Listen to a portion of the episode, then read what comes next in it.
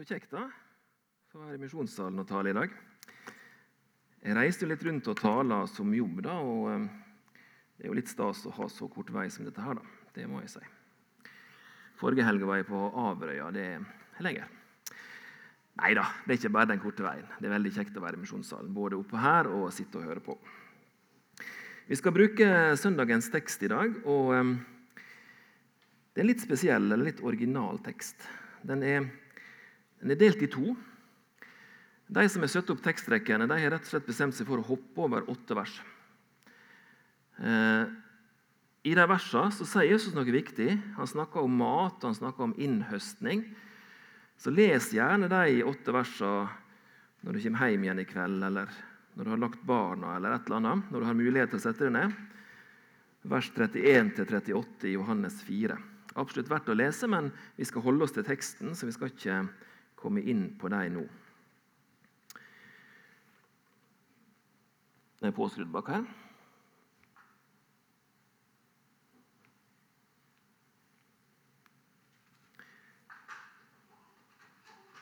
Der. Det andre som er spesielt med denne teksten, det er at den starter på en måte akkurat etter ei veldig kjent bibelfortelling. Akkurat når, når den fortellinga er ferdig, og så får vi vite hva som skjer etterpå. Jesus eh, og disiplene er på vei gjennom Samaria. Og Det er midt på dagen, og det er varmt, og Jesus setter seg ned med en brønn for å hvile seg. Disiplene de har gått inn for å kjøpe mat. og Så kommer Jesus i prat med ei samaritansk kvinne. Hun har gått til brønnen midt på dagen for å hente vann, og det var veldig uvanlig. De fleste henta vann når det var litt kjølig, enten tidlig om morgenen eller på ettermiddag kveld. Ingen ville gå midt på dagen på det varmeste. Men hun gjorde det. Kanskje fordi hun ville unngå å treffe andre, Kanskje fordi hun hadde gode grunner for å holde seg unna andre folk. Og Så sier Jesus til denne kvinna at han kan gi henne levende vann. Vann som gjør at hun aldri blir tørst igjen. Og Akkurat når hun forventningsfullt spør Jesus hvordan hun kan få tak i det vannet, det levende vannet, så begynner Jesus å snakke om mannen hennes. Ødelegger helt stemninga med det. For denne kvinna hun har ingen mann. Hun har hatt fem menn, og den hun har nå, det er ikke hennes sin, sier Jesus. Og Så fortsetter praten litt. Og så har Jesus akkurat sagt at han er Messias, og denne kvinna har begynt å tro på det når vår tekst begynner. Fra Johannes 4, vers 27-30 og vers 39-43. I det samme kom disiplene hans, og de undret seg over at han snakket med en kvinne. Men ingen av dem spurte hva han ville, eller hvorfor han snakket med henne.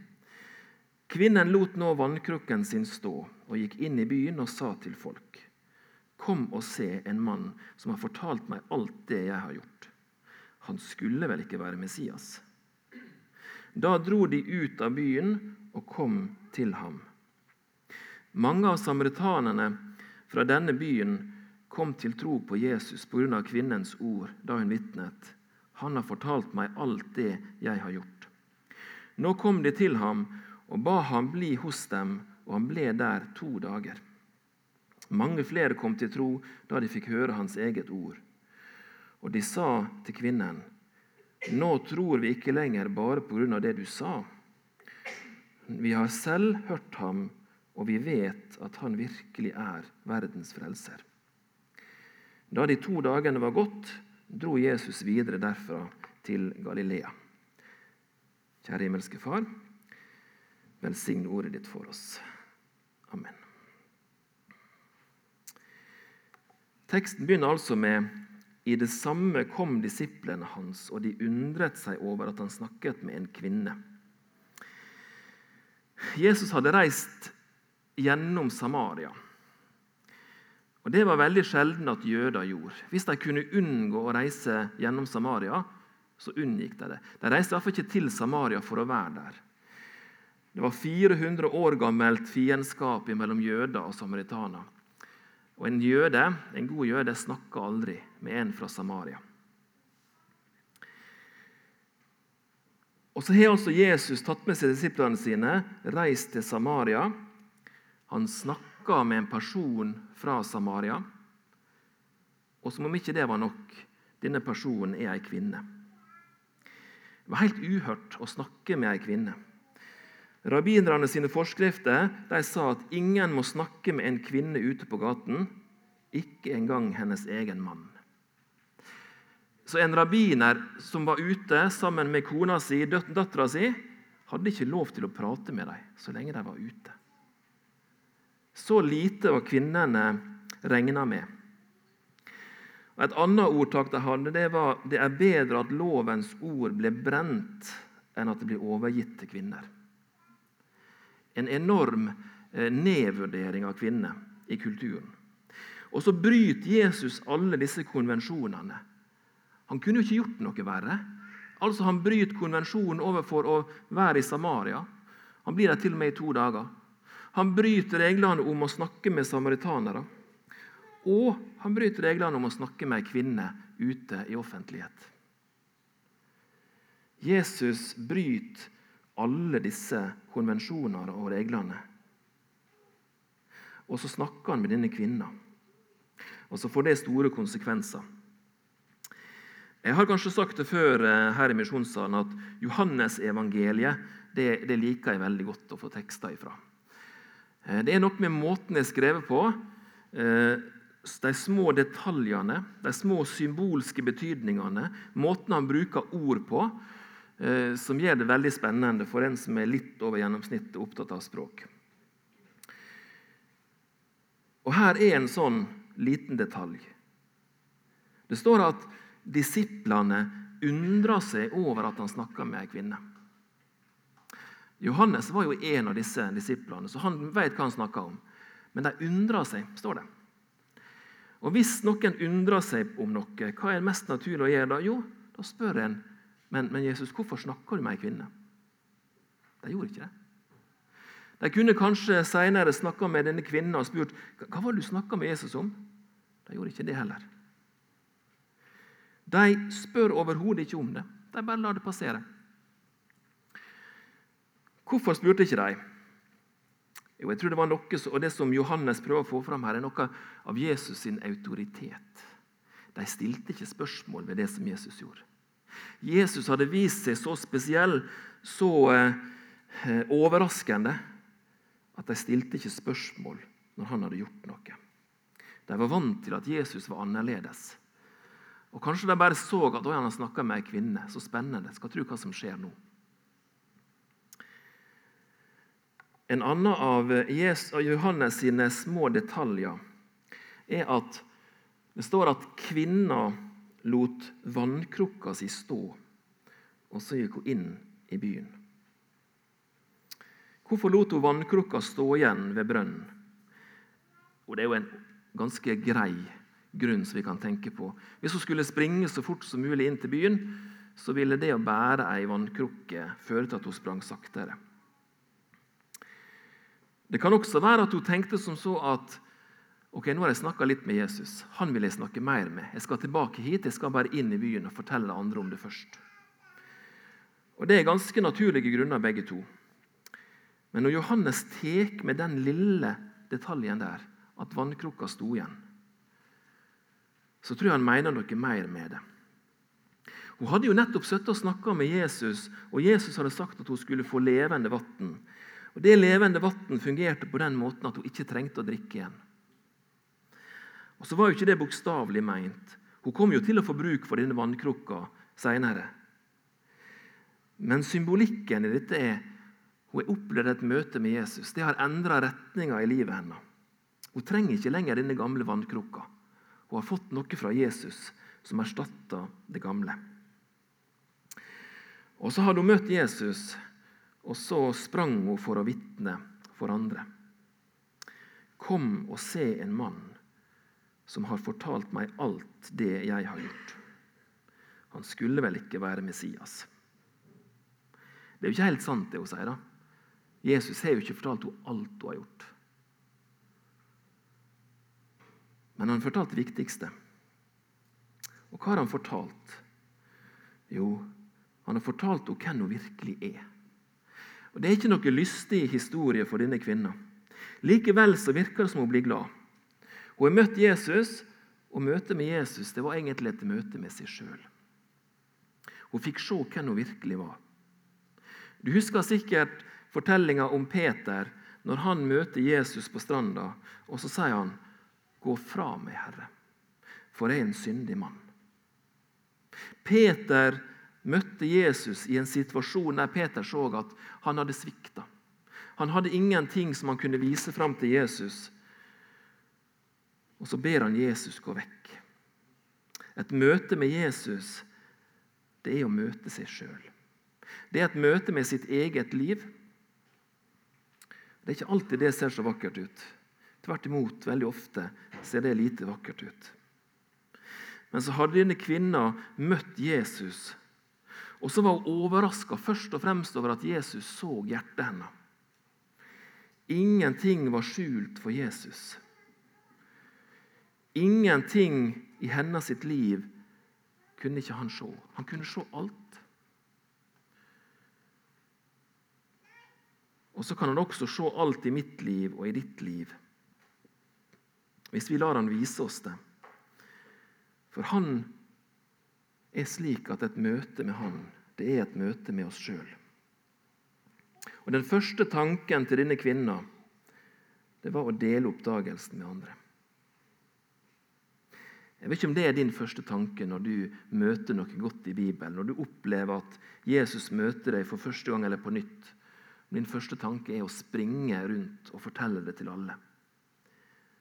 Men denne kvinna var så glad. Før hadde hun unngått folk. Nå sprang hun inn i byen for å fortelle. Og Kanskje var det første gangen hun bekjente for andre det hun hadde gjort. Alle i byen visste det sikkert.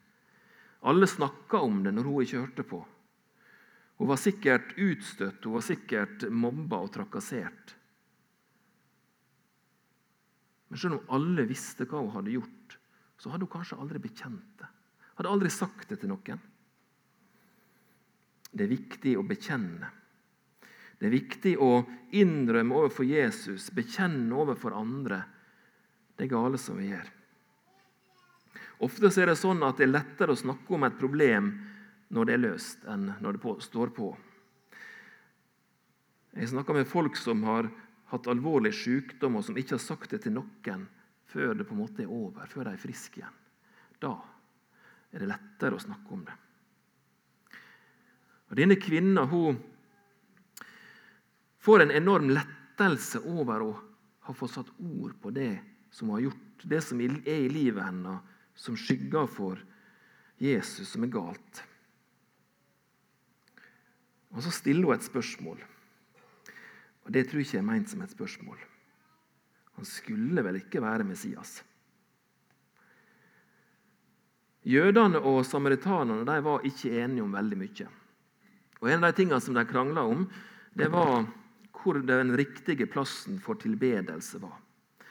Samaritanerne de tilba på Garisim, jødene tilba i Jerusalem. Og De hadde hver sine fortellinger om hvor Messias skulle komme. Men begge venta på Messias. Begge folkegruppene trodde at det skulle komme en stor profet ifra Gud. Og I denne samtalen med kvinna ved brønnen så, så, avlyser Jesus diskusjonen om hvor det er riktig å be, eller hva som er den mest hellige plassen. Han sier at det spiller ikke noen rolle hvor en ber. Det interessante det er å ha sanne tilbedere. Sånne som tror på Han, sånne som har tatt imot Han, og som ber, er viktigere enn plassen en ber på. Og Så presenterer Jesus seg for denne kvinna som Messias. Og så tror hun. Men når hun kommer ut blant folk, når hun møter de med en høyere posisjon i samfunnet, så stiller hun det som et spørsmål. Jeg tror ikke det er for å være usikker. Jeg tror det er for at hun tenker at disse her vil jo ikke høre på meg. Jeg kan stille et spørsmål, og så kan de finne ut om jeg har rett. Han skulle vel ikke være Messias. Og Så står det at mange kom til tru pga. de ordene som kvinna kom med. De ville høre mer. Nå tror vi ikke lenger bare på grunn av det du sa. Vi har selv hørt ham, og vi vet at han virkelig er verdens frelser. Denne kvinna vitna om Jesus, og mange var interessert. Mange ville høre mer. De inviterte Jesus til å bli lenger. De eh, ville bli kjent med han. De ville tilbringe tid med han. De ville leve nær Jesus noen dager. Og så fikk de et eget møte med Jesus. De kunne ikke leve på den trua som denne kvinna hadde. Det hun hadde fått oppleve, den opplevelsen gjorde dem interessert. Men det var ikke nok til at de hadde ei egen tru. De måtte ha et eget møte med Jesus. Og Sånn er det med oss alle. Vi kan ikke leve på andre sitt tru.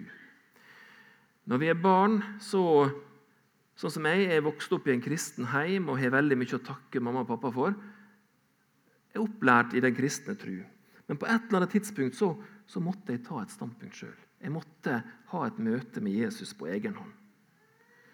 Det går ikke an å leve på andre sitt tru. Heller ikke her i misjonssalen går det an å leve på trua til sidemann. Vi må sjøl møte Jesus. Vi må sjøl ta imot Han. Og så brukes dette uttrykket 'verdens frelser'.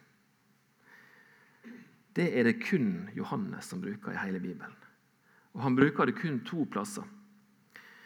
Her i dette kapitlet og i 1. Johannes brev 4,14 så brukes uttrykket 'verdens frelser' om Jesus. Johannes han skrev evangeliet sitt kanskje 50 år etter at disse tingene hadde skjedd. Eh, jeg vet ikke om du husker i detalj ting som skjedde for 50 år siden. Jeg er ikke gammel nok til å huske det, heldigvis. Enda. Men jeg tror nok at så store hendelser, så spesielle ting som Johannes opplevde sammen med Jesus, det, det husker en ganske detaljert etter 50 år. Det tror jeg. Pluss at Johannes hadde flere kilder som hadde skrevet om det samme som han kunne bruke. Men jeg tror ikke det at han huska ordrett akkurat hva folk sa etter at de hadde møtt kvinner, etter at de ble kjent med Jesus. Jeg tror nok at Johannes måtte finne på et godt ord å bruke. Og Da velger han altså uttrykket 'verdens frelser'. Og Det var ikke bare Johannes som brukte på den tida. For når Johannes satt og skrev, så ble det uttrykket brukt om keiseren i Roma. Folk kalte, eller skulle kalle, keiseren for verdens frelser. Og Så velger Johannes å bruke akkurat det samme uttrykket. Nærmest som en kritikk av keiseren og en henvisning til at Jesus er den virkelige verdens frelser. Og så er ikke Jesus bare en som bryter konvensjonene, som bryter reglene og snakker med folk du ikke skal snakke med, som anstrenger seg litt ekstra for å ta seg av de utstøtte og de som er vanskelig stilt i samfunnet. Jesus er ikke bare det. Og så er ikke han bare en profet som er sendt fra Gud. Han er ikke bare en dyktig psykolog som kan hjelpe mennesker som har det vanskelig. Han er ikke bare et fint ideal, et godt eksempel på hvordan et liv kan være. Ja, Jesus er alt dette. Men først og fremst så er han verdens frelser. Han hadde makt til å redde denne kvinna ut fra en håpløs situasjon. Han kunne både hjelpe henne med fortida, og han kunne trygge framtida hennes. Hun kunne møte framtida med frimodighet og glede. Jesus tok straffa på seg for at hun kunne gå fri. Og så tenker vi av og til, i hvert fall jeg tar meg sjøl i å tenke når jeg leser sånne bibeltekster, at ja, denne kvinna her hun var helt nede på den sosiale rangstigen. Hun var helt nederst i samfunnet. Hun var utstøtt av alle. Ingen ville være sammen med henne. Hun gjemte seg for andre folk. Og Så tenker jeg at ja, det er jammen fint at Jesus kan hjelpe sånne. Men hvem i dag da er det som ligner på henne? Hvem i vårt samfunn er det som ligner på denne kvinna? Og så tror jeg at vi skal ikke lete veldig lenge for å finne det. For å finne ut hvem hun ligner på. Jeg vet ikke om Jesus har fått vist deg alt det du har gjort i livet ditt. Men tenk deg situasjonen at alle som er i misjonssalen i formiddag, visste alt om deg.